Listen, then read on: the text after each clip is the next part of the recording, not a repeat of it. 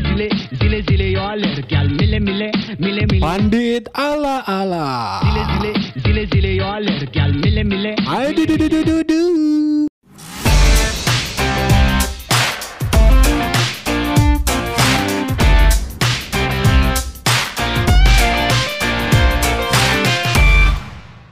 Evening, saudara-saudara pala pandit ala-ala. Kita berjumpa kembali di episode terbaru bersama Merzo dan ada Vicky di sini. Gimana suaranya Vicky? Gimana hasil pertandingan fase grup terakhir di Piala Dunia Qatar 2022? Wah, seru banget ya. Semalam tuh banyak kejutan lah, terutama 2 3 malam terakhir ini. Wah, tim Asia itu pada menggelora, wah, menggila sangat sekali. Wah. Kita di sini bakal bahas kejutan terutama tim besar yang kompak kalah. Nah, sesuai judul kita hari ini seperti Brazil kalah sama Kamerun, Portugal kalah sama Korea Selatan, Jepang menang lawan Spanyol. Wah, keren ya. Tiga tim ya istilahnya eh, kastanya di bawah tim Eropa lah gitu kan bisa memenangkan pertandingan. Itu sengaja kalah atau emang kalah ya? Nggak tahu juga ya. Karena ada beberapa yang udah memastikan lolos kan hampir semuanya Spanyol, Portugal, Brazil kan udah pasti lolos tuh. Gitu kayaknya ya kita juga ini kayak sengaja kalah atau gimana sih nyimpan tenaga kayaknya buat 16 besar nggak tahu juga. Nanti ada analisis tersendiri dari Bung Vicky. Wah, semangat Vick hari ini Vick. Nah, gitu kan. Ah, banget dong. Karena tim Asia yang kita jagokan nah, menyusul Australia yang udah lolos, Jepang dan Korea. Wah. Senang banget deh. Terutama ini nih uh, Sun Heung-min gitu sama yang di Jepang Maya Oshida aduh. Wah. Duetnya keren banget tuh di negaranya masing-masing gitu. Wah. Oke, kita mulai dulu Vic dari pertandingan awal yang Jepang versus Spanyol ya. Yang kalah 2-1. Wah, sempat mendominasi tuh Spanyol di awal-awal pertandingannya. Sempat ngira gini, ah ini mah kayaknya kalah dari Jepang gitu kan. Soalnya Spanyol dominan banget ya. Eh, dari babak pertama itu menguasai hampir 60% kalau nggak salah ya. Uh, possession ball-nya gitu kan, apalagi banyak attempt yang mengarah ke Jepang gitu kan. Jepang at least cuma mengandalkan counter attack doang gitu kan. Ya pesimis lah bakal menang. Draw aja udah alhamdulillah itu Jepang ya. Tapi dengan semangat tempur yang sangat kuat dari tim Samurai Biru Jepang gitu kan. Akhirnya memenangkan pertandingan dengan 2-1 secara dramatis. Ada kontroversi juga di situ. Bolanya ya kalau menurut pandangan kita ya nanti kita inilah membahas ya seperti bolanya udah keluar atau belum atau itu memang udah pure full belum keluar gitu kan atau memang ya seberapa mili gitulah soalnya ini ngaruh juga kasihan tuh Jerman tuh kena karma kan kemarin Eh, Jepang ngegolin otomatis Jerman gugur di fase grup. Ya ini salah satu prestasi yang kurang baik juga buat timnas Jerman ya di bawah asuhan Hansi Flick gitu kan. Nanti kita bahas singgung tipis-tipis tentang Jermani itu. Lu sih nyinggung-nyinggung ini sih politik sih jadi we gitu gitu kan. Seperti ada konspirasi gitu ya. Seperti ya udahlah eh, mumpung ada kesempatan Jepang ngegolin ya udah golin aja. Ini ini asumsi aja ya asumsi. Kan namanya juga ala-ala gitu kan. Oke Vic lanjut. Kita langsung bahas Jepang versus Spanyol. Pandangan dari rekan Vicky. Wah Bung Vicky gitu monggo Oke ya, setelah lagi-lagi gitu Jepang mengalahkan tim besar ya di pertandingan ketiga kali ini yang sehingga membuat Jepang bertengger di posisi puncak ya di grup E. Yang kata orang itu merupakan grup yang paling dramatis tuh grup E ini. Di mana eh Ya, Jepang ngalahin Jerman di pertandingan pertama dan Jepang pun mengalahkan Spanyol di pertandingan ketiga gitu kan. Tentu di situ merupakan apa namanya teh? Merupakan satu tongkat prestasi lah untuk Jepang bisa mengalahkan dua tim besar yang pada saat itu tim Spanyol menjuarai Piala Dunia 2010 dan Jerman menjuarai Piala Dunia 2014 gitu kan. Nah, tim itu teh dikalahin oleh Spanyol. Eh dikalahin oleh Jepang. Kok Spanyol sih gitu kan. Oke, eh ya dari analisisnya saya sendiri eh di babak pertama gitu Spanyol awalnya unggul lebih dulu tuh berkat sontekan Alvaro Morata di menit ke-12. Eh namun eh pemain Jepang Oke, babak pertama eh di, dikurung tulus oleh Spanyol gitu ya Jepang. Tapi eh strategi apa pelatihnya Haji Moriyasu eh, merubah taktik tersebut karena di babak pertama kan mereka diserang terus oleh Spanyol. Nah, Jepang eh, berusaha untuk merubah strateginya di babak kedua. Di mana eh, di babak kedua itu Jep Jepang mampu mencetak gol tuh Bang lewat Ritsudoan menit ke 48 dan disusul Awatanaka menit ke 51 gitu kan. Nah, eh, apa? Sebetulnya kalau di pertandingan kemarin gitu, Spanyol itu di babak pertama Spanyol tentu eh, tampil sangat dominan ya.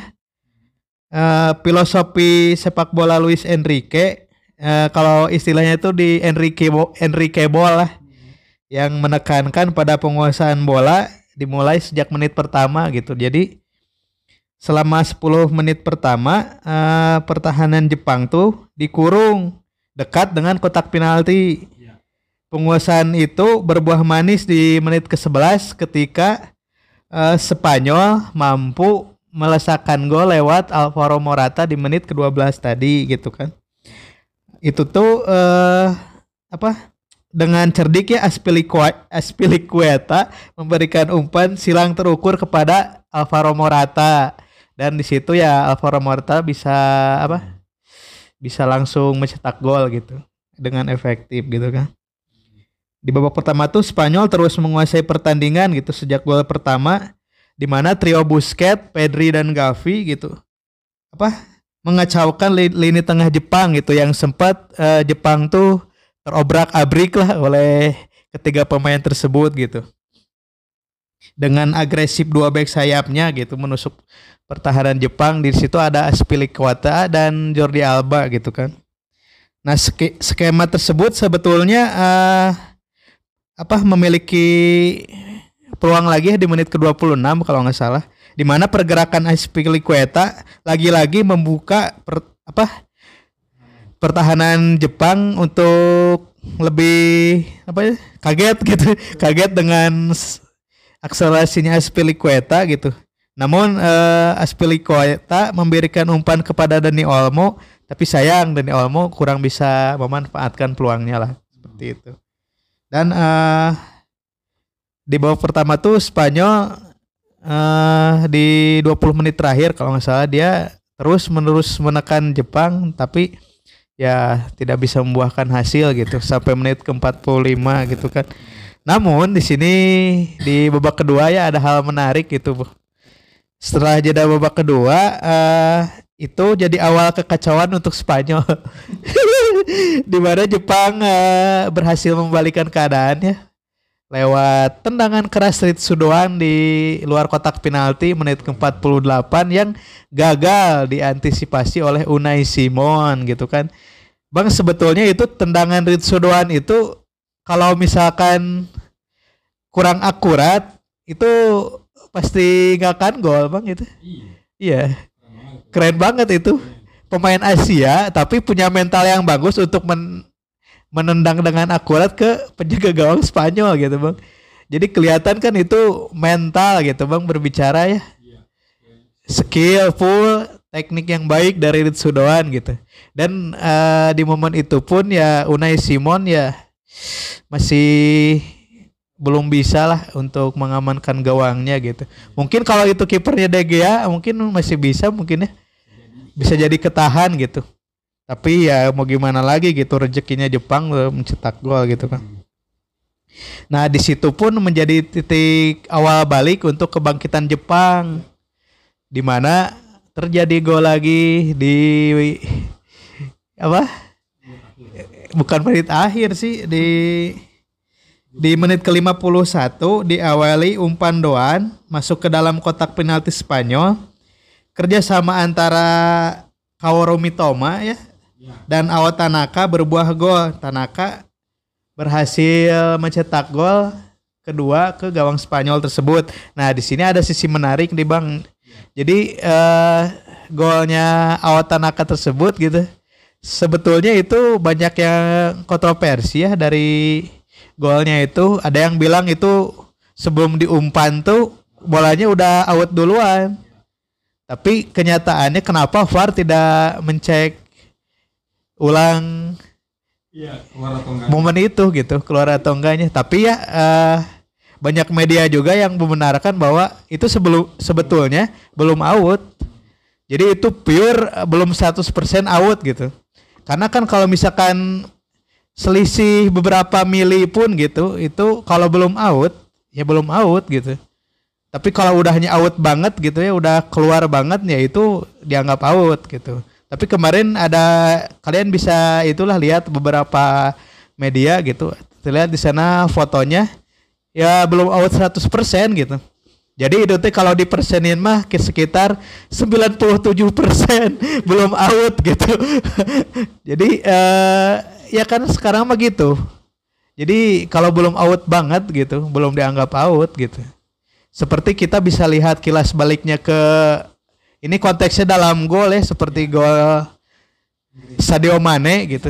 Sadio Mane ketika Manchester City melawan Liverpool, yaitu golnya kan bukan gol gitu, tihang dulu, tihang mantul ke belakang ke karena Ed, Ederson, nah itu bola nyata ke belakang lagi. Nah itu teh uh, sebenarnya ada yang bilang itu udah gol, ada yang enggak, tapi kan bisa dilihat lagi secara langsung gitu, secara rinci lagi itu teh beberapa mili lagi nggak nggak gol gitu. Meskipun bola teh udah 95 persennya udah masuk gitu. Tapi kan 5 persennya belum masuk belum dianggap sah gol gitu kan. Begitu juga dengan momen gol kedua Jepang gitu. Ya mungkin kalian bisa lihat sendiri atau mungkin berbeda pendapat gitu. Tapi menurut saya gitu itu belum out lah. Meskipun tiga persennya belum out tapi tetap belum out gitu belum 100% gitu kan gitu.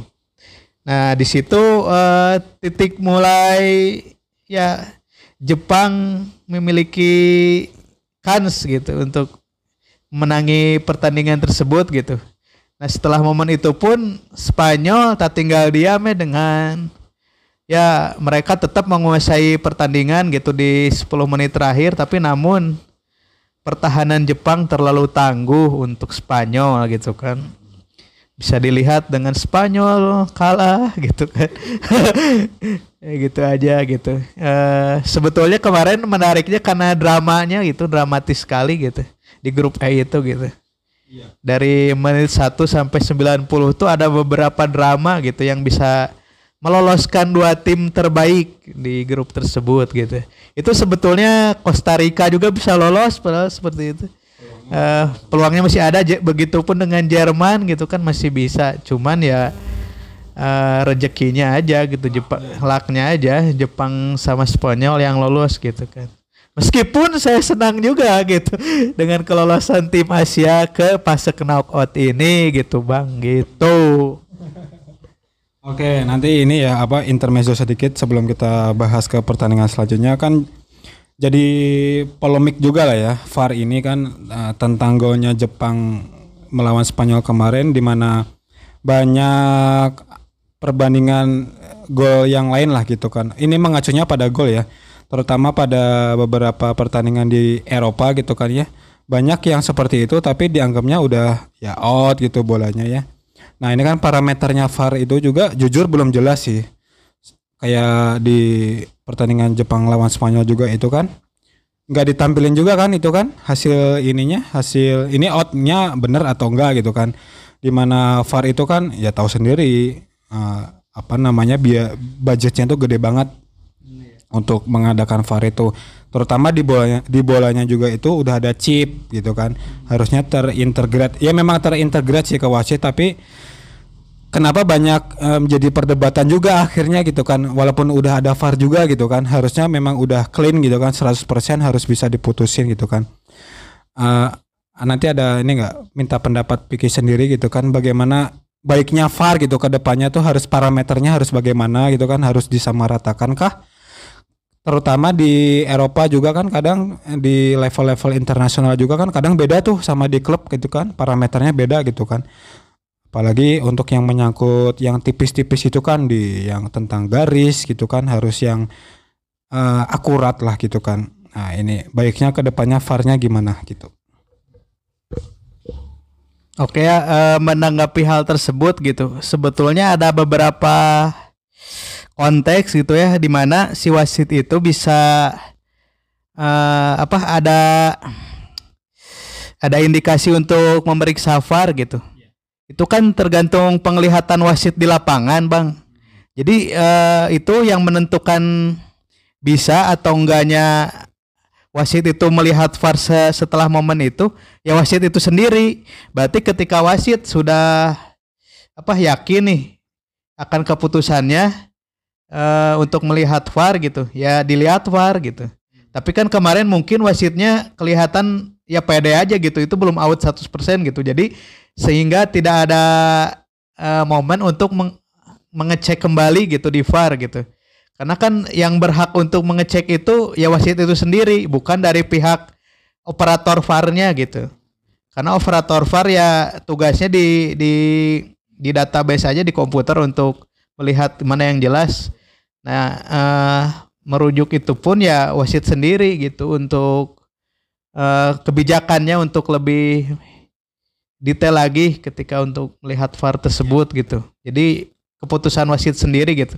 Meskipun ada beberapa pemain yang memaksa gitu ke wasit tersebut, ya lihat VAR, lihat VAR dulu itu ini gue yakin udah out gitu. Tapi kan pandangan wasit sendiri itu yang menghasilkan momen VAR atau tidak gitu.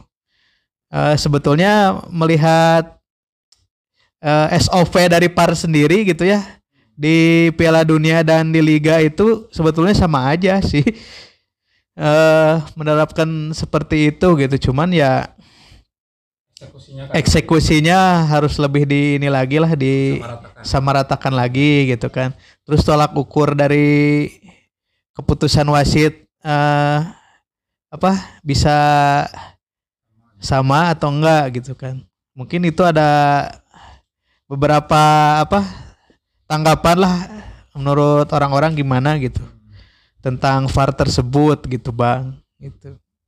Iya, ini apa ya?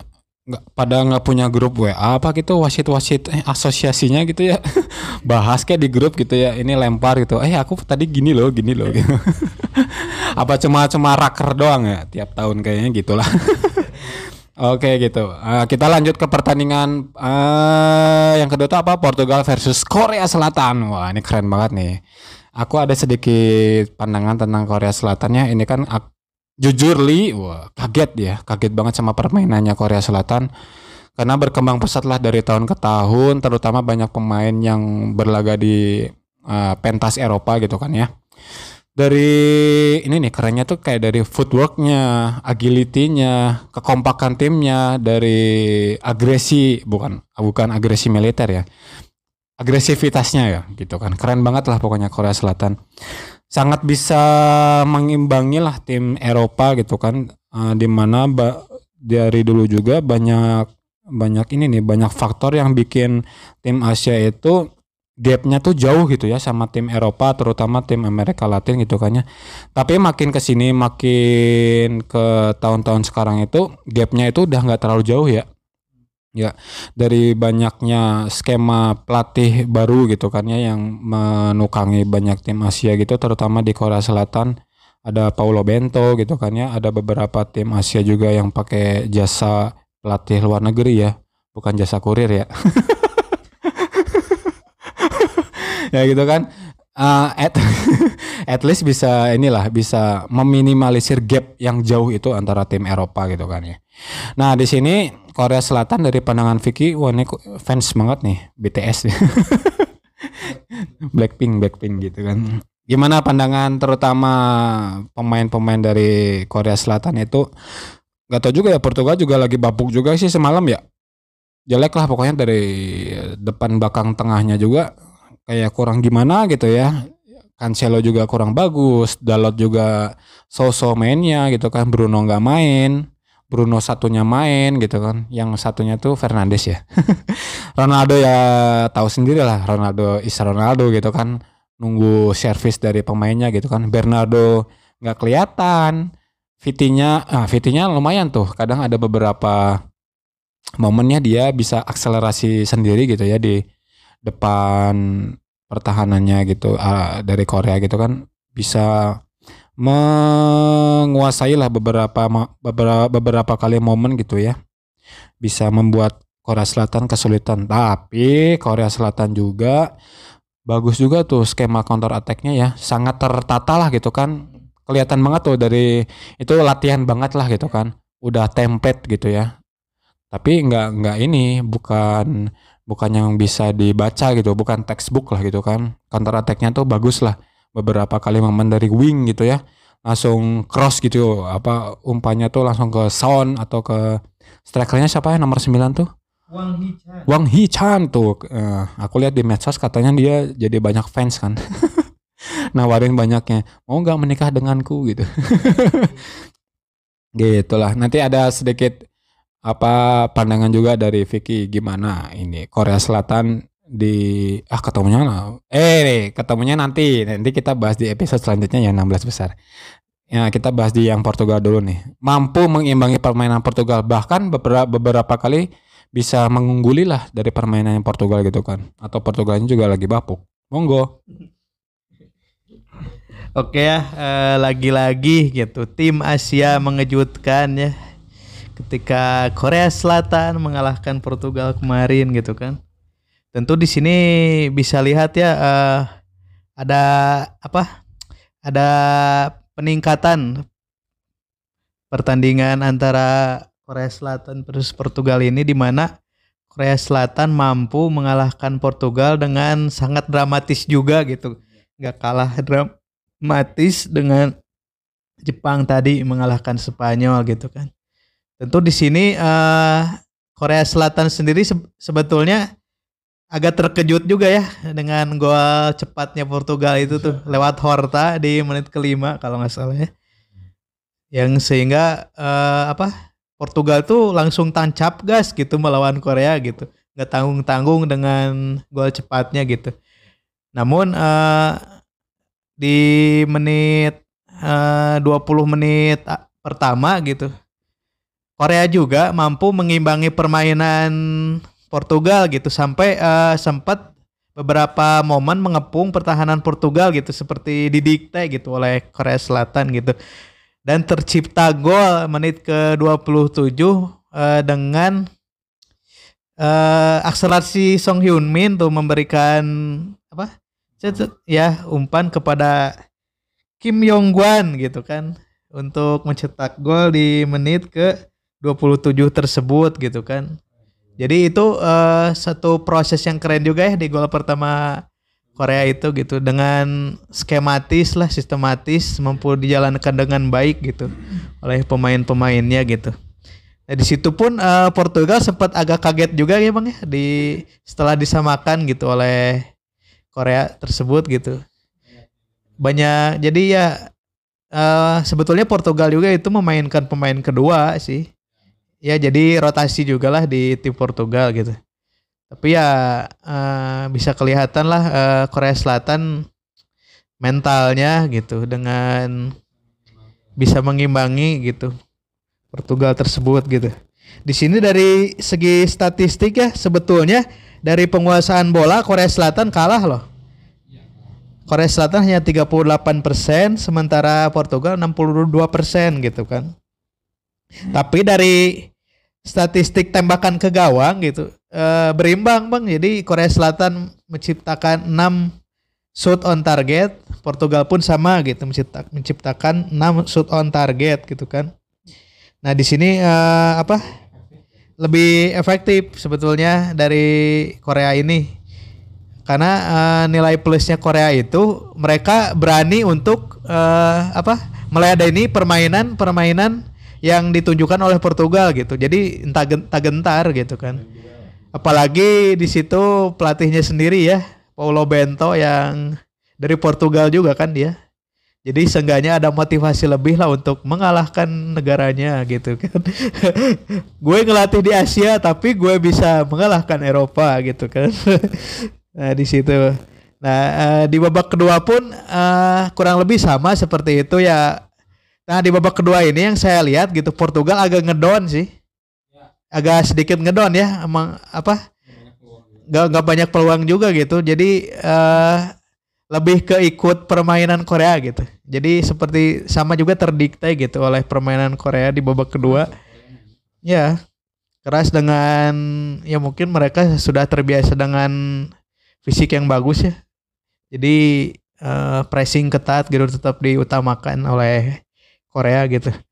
Dan di babak kedua pun momen gol kedua tercipta lewat Huang Hee-chan ya di menit 90 berapa gitu.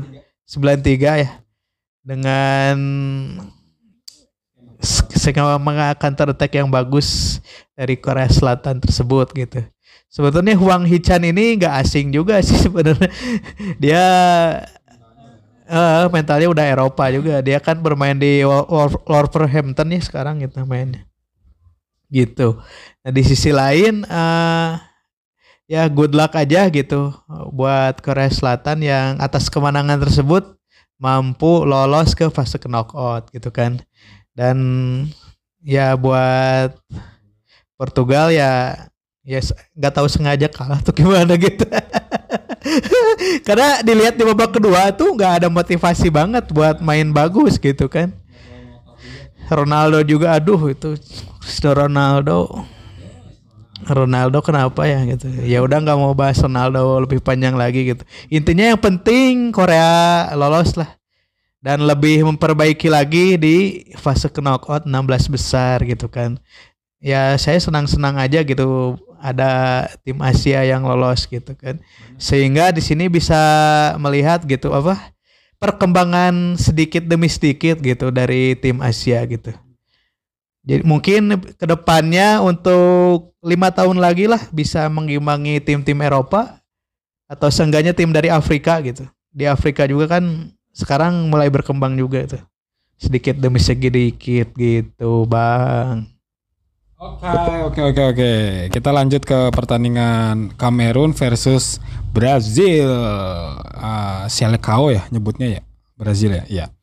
Di mana Brazil kalah 1-0 di menit terakhir eh, gol dari Abu Bakar. Habis ngegolin langsung kartu merah dia. Apes juga dia, kasihan. Ah, tapi di sini menariknya Brazil eh, sangat dominan banget tuh dari pertandingan eh bukan pertandingan dari babak pertama sampai babak kedua seperti istilahnya itu gol itu tinggal nunggu waktu lah Fik ya gitu ya. Banyak peluang lah terutama dari eh, Anthony dari siapa ya mainnya lupa aku. Bukan Vinicius dah, ada dua lagi. Richarlison juga nggak main. Pokoknya lapis duanya lah tapi Ya Martinelli sorry Martinelli wah bukan karena Arsenal ya ini lupa benar-benar lupa. Itu Martinelli keren banget Anthony juga mulai eh, sembuh dari cedera juga mu- udah mulai tune in juga ya permainannya. Nah dari Brazil itu juga kaget juga sih bisa kalah gitu kan.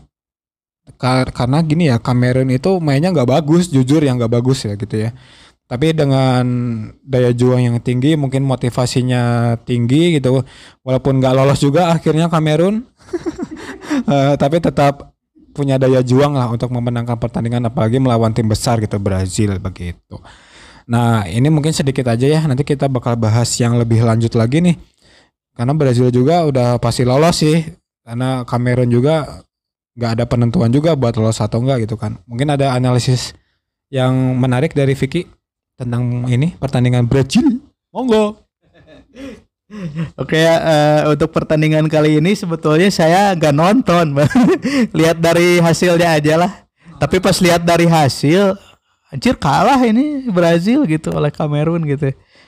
Satu kosong ya. eh sebetulnya di sini eh, secara garis besar ya Brazil memainkan pemain rata-rata lapis kedua ya. Jadi melakukan rotasi juga di pertandingan ketiga ini. Eh, namun di situ belum kelihatan lah eh, Martinelli, Rodrigo, Gabjes itu belum terlalu signifikan ya penampilannya gitu. Nggak ya nggak nggak seperti lapis utamanya gitu. Tapi ya mungkin juga Brazil di sini memperhitungkan juga gitu. Jadi dia kan udah dua kali menang gitu. Meskipun di pertandingan terakhirnya kalah ya gue masih aman gitu. Nggak ada atensi buat menang gitu. Nggak nggak seperti Korea kemarin yang habis-habisan gitu.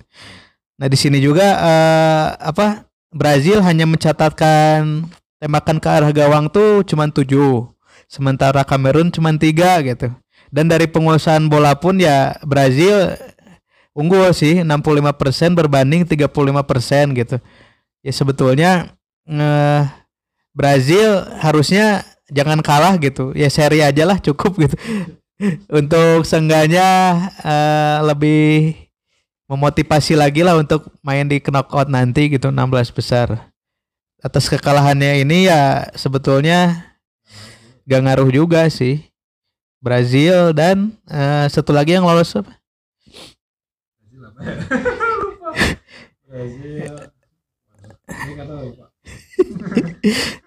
Iya intinya Brazil bisa lolos aja lah gitu. Sebetulnya tidak ada yang menarik juga sih di pertandingan ini gitu. Gitu aja bang.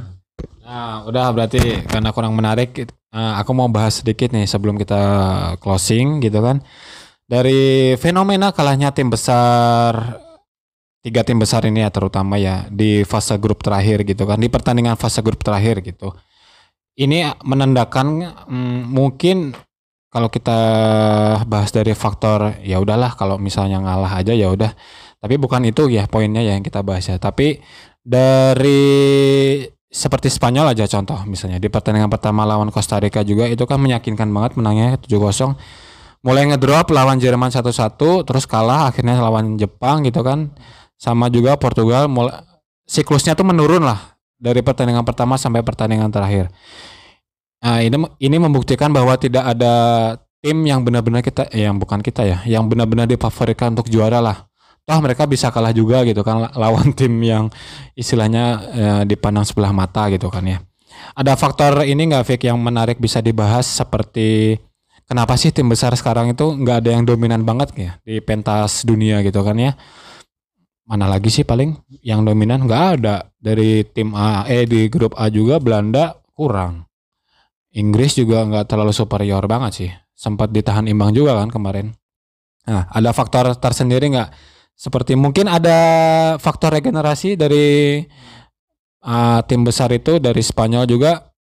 Tim Spanyol juga ini sih Luis Enrique-nya juga aneh juga ya. Banyak pemain-pemain yang seperti Thiago nggak main, nggak dipanggil malahan. De Gea gitu, nggak sama nggak dipanggil. David Gaya juga yang katanya cedera itu sempat ini loh main di pra Piala Dunia kemarin David Gaya jadi andalannya Spanyol karena cedera tuh karena ya kemungkinan nggak akan dibawa tapi tapi kata Valencia-nya juga ini fit kok 100% gitu tapi nggak dibawa gitu kan secara nggak langsung membuktikan seperti Luis Enrique itu seperti like and dislike or dislike gitu aja sih. Mungkin kita bahas dari regenerasi inilah tim besar di dunia gitu ya. Udah mumpuni nggak sejauh ini untuk pemain ataupun pelatih gitu ya? Cukup nggak dengan pemain yang mentas gitu di Piala Dunia kali ini? Monggo. Oke ya, uh, dengan apa? Dengan beberapa tersungkurnya gitu tim-tim dari tim Eropa ini dan apa ketidakstabilannya regenerasi ya di tim-tim besar ini ya tentu uh, kita bahas Jerman dulu deh. Jerman itu kita uh, perbandingannya gini Bang. Jadi kalau kita membahas Jerman, kita kan familiar dengan Jerman angkatannya waktu 2010 tuh. 2010 dan 2014. Jadi uh, apa 2010 dia bermain apa bagus dengan beberapa pemain mudanya ya dan hasilnya tuh kelihatan di 2014 gitu. Nah, kalau kita bahas regenerasi di Jerman tersebut gitu, kita kan pasti apa? Tahunya tuh ke pemain seperti yang ikonik dulu seperti Miroslav Klose dulu kan, Lukas Podolski, Philip Lam, Mesut Ozil gitu kan, Sami Khedira gitu kan yang secara sebelumnya itu mereka pemain-pemain hebat yang merupakan masa-masa frame-nya mereka gitu kan. Nah, e, mereka bisa juara di 2014 tuh mereka pakemnya dulu di 2010 dulu ketika masih dilatih oleh Joachim Low gitu kan dulu. Nah, kita bisa lihat hasil Jerman tuh 2014. Nah, kita balik lagi kita uh, ke tahun sekarang mengapa Jerman tidak bisa sebagus dulu, tidak bisa se-ikonik dulu beberapa pemainnya yaitu regenerasi pemain sekarang di Jerman menurut saya ya pribadi gitu. Opini saya kurang mumpuni, Bang nggak seperti dulu gitu. Jadi sekarang mungkin ada beberapa pemain muda yang menonjol gitu, tapi kan mereka tuh levelnya belum di yang level-level prime-nya mereka gitu. Di level klub mungkin dia oke, okay, bisa bagus gitu di misalkan kita bisa ambil contoh Jamal Musiala yang bermain impresif di Bayern Munchen gitu. Oke, okay, dia bermain di Bayern Munchen tapi dia tuh belum terlalu matang untuk main di Piala Dunia menurut saya ya belum seperti dulu kelihatannya Mesut Ozil waktu 2010. Dia kan masih berusia 19 tahun waktu itu kan. Tapi Ozil kelihatannya seperti matang gitu main di bersama timnas Jerman gitu. Nah, di sini bisa kelihatan gitu. Regenerasi yang sekarang rata-rata nih ya bisa saya simpulkan bahwa regenerasi sekarang itu uh, belum levelnya ke Piala Dunia gitu mungkin bisa kita lihat hasilnya dua tahun lagi, mungkin empat tahun ke depan lagi untuk menciptakan ya pemain seperti sebelum-sebelumnya gitu yang ikonik di Jerman gitu. Nah di sini sebetulnya Jerman sendiri pada 2010 itu uh, pelatihnya Joachim Low, asistennya Hansi Flick. Sebetulnya Hansi Flick juga udah udah apa udah menekuni dari timnas Jerman ini, ini pada tahun 2010 tapi mengapa uh, sekarang ketika ditunjuk menjadi pelatih utama, hasil Flick tidak bisa menerapkan pola yang sama uh, yang yes yang seperti dulu Joachim Low, kenapa nggak nggak diterapin pola yang sama gitu oleh Hansi Flick sekarang? Ya tentu balik lagi gitu, kualitas pemainnya dulu sama sekarang beda gitu, nggak bisa disamain gitu dulu ya oke oke gitu Sami Khedira kan itu Philip Lam Jerome Boateng dulu kan Bad, Bastian Schweinsteiger, Holger Badstuber gitu kan. Ya itu merupakan pemain-pemain yang dulu waktu masih mudanya mereka levelnya udah berada di top gitu, cepat gitu. Dan mereka juga terbiasa bermain dengan pemain-pemain yang apa yang istilahnya bintang gitu dulu gitu. Yang istilahnya le lebih mumpuni gitu untuk di apa? diketahui oleh halayak banyak gitu orang gitu. Nah di sini kelihatannya menurut saya seperti itu kurangnya apa kompetensi lebih untuk pemain mudanya gitu. Nah uh, untuk timnas Jerman seperti itu gitu. Kenapa gitu Hansi Flick tidak bisa ya menerapkan pola yang sama gitu. Sebetulnya Hansi Flick ini rekornya gitu bagus kalau di klub dia, tapi kalau di Jerman belum teruji juga gitu kan. Uh, padahal dia memiliki apa? hak istimewa loh dengan beberapa pemain Bayern Munchen kan?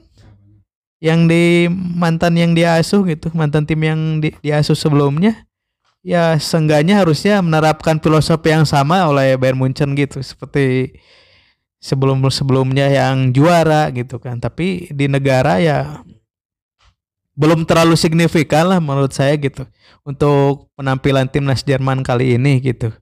Dan kita uh, sekarang beralih ke pembahasan timnas Spanyol. Ya timnas Spanyol juga uh, mengapa di Piala Dunia sekarang tidak sebagus ketika Piala Dunia 2010 ya mungkin masalahnya sama seperti yang saya tadi ucapkan tidak seimbangnya gitu pemain muda dulu dan pemain muda sekarang gitu Kalau dulu kan 2010 ketika Spanyol juara, yaitu mereka memiliki pemain-pemain yang sangat luar biasa menurut saya gitu. Di mana trio pemain tengahnya itu ada Xavi Hernandez, Xabi Alonso, Iniesta, dan Sergio Busquets gitu. Empat empat pemain utamanya itu merupakan masa-masa prime-nya mereka ya. Setelah menghantarkan di juara Euro 2008 juga mereka menghantarkan Spanyol juara Piala Dunia 2010 juga gitu. Di mana masa keemasan Spanyol tuh bisa dilihat di tahun-tahun segitu gitu. Jadi saya melihat permainan Spanyol waktu itu merupakan strategi yang enak ditonton gitu bang. Jadi hiburan, hiburan itu benar-benar hiburan gitu. Jadi ketiga pemain tersebut itu memiliki kreasi yang bagus gitu, memiliki entertain yang lebih menarik kepada penonton gitu kan. Tiki Taka. Dulu kan pelatihnya Vicente del Bosque ya waktu Spanyol waktu itu. Nah sebetulnya kenapa gitu di Spanyol sekarang tuh nggak kelihatan kayak gitunya gitu. Padahal eh, pelatih yang sekarang juga Luis Enrique merupakan eh, pelatih yang bagus juga sih sebetulnya. Ya, filosofi sepak bola Spanyolnya harusnya seperti itu gitu. Cuman ya kenapa terlihat biasa saja gitu. ya balik lagi gitu. Uh, ya cenderung pragmatis gitu harusnya ya uh, ya ciptain lah gitu gimana sebagaimana Spanyol bermain gitu. Atau mungkin uh, Luis Enrique itu belum punya pakem yang yang bagus atau jelas gitu ya untuk menghadapi tim yang parkir bus mungkin? Untuk sebetulnya sih uh, melihat track record Luis Enrique dulu waktu di pelatih Barcelona dia bagus loh. Menerapkan sistem yang ya seianya Barcelona gitu dengan filosofinya e, menghadapi tim yang bertahan juga mereka mampu gitu untuk memenangi pertandingan gitu. Tapi melihat ke timnas Spanyol sekarang ya nggak kelihatan gitu. Enrique itu nggak kelihatan dengan beberapa ya dia mempercayai beberapa beberapa pemain muda lah. Tapi pemain mudanya juga ya, ya ya kayak saya tadi gitu sama kayak di timnas Jerman belum terlalu seikonik dulu lah gitu ya masih levelnya masih bagus di level klub gitu bukan di level timnas gitu kan. Kalau pemain muda dulu ya di level klub bagus di timnas juga bagus gitu. Ya saya belum kelihatan yang benar-benar signifikan lah gitu. Dan kesalahan Spanyol juga gitu ya di Piala Dunia kali ini. Harusnya dia membawa tiga atau empat pemain senior lah gitu. Tambahan lagi uh, harusnya membawa Thiago Alcantara tuh David De Gea, Sergio Ramos masih bisa tuh untuk ya seenggaknya menjadi apa? Leader lah, leader untuk pemain-pemain mudanya itu gitu. Karena dengan Aspilicueta dan Jordi Alba, Sergio Busquets masih kurang sih. Masih belum kelihatan gitu impresnya kepada timnas Spanyol gitu. Ya terbukti kemarin melawan Jepang ya agak kesusahan juga gitu ketika Jepang menerapkan strategi pragmatis dan bertahan gitu kan. Dengan sistem uh, positif dan negatif footballnya gitu belum kelihatan gitu. Ya, mungkin harus gimana ya uh, melihat pemain muda yang sekarang tuh belum belum terlalu greget lah intinya kayak gitu sih. Nah, ini mah asumsi aja ya. Atau mungkin pemilihan pemain Luis Enrique salah Menurut Vicky gimana? Pemilihan pemain Luis Enrique ya menurut saya nggak salah juga sih sebetulnya karena kan dia ingin mengutamakan uh, apa generasi baru nih dibuat timnas Spanyol ini di era ya di era Gavi Pedri ini untuk uh, lebih mematangkan lagi untuk Euro 2024 dan Piala Dunia 2026 mungkin tidak ada salahnya juga tapi kan dalam setiap tim itu pasti ada 25 persennya pemain senior gitu untuk apa menjadi leader timnya ketika menghadapi fase-fase krusial kayak kemarin gitu. Ya gitu seperti itu sih. Oke, segitu aja cukup dari Panit Ala-Ala karena kita sudah panjang lebar membahas tim besar yang kalah maupun kenapa nih banyak tim yang siklusnya menurun loh, menurun loh, menurun tuh di fase grup kali ini sebelum menuju ke 16 besar. Oke, kita sudahi saja episode kali ini. Kita bakal bahas nanti babak 16 besar, bakal seru. Kita tampilkan data, sebutkan data ini siapa, ketemu siapa, peluang lolos siapa gitu kan. Karena menarik nih dari dua kubu ini ya, dari kalau misalnya lihat kalian lihat diagram babak 16 besar tuh dari sisi kiri banyak tuh dari benua Asia, benua Amerika, Nah dari sisi kanan itu banyak tim Eropa gitu kan. Eh tim Eropa, negara Eropa begitu. Oke, thank you semuanya. Sehat selalu untuk kalian palalers. Verzo Vicky pamit. Dadah.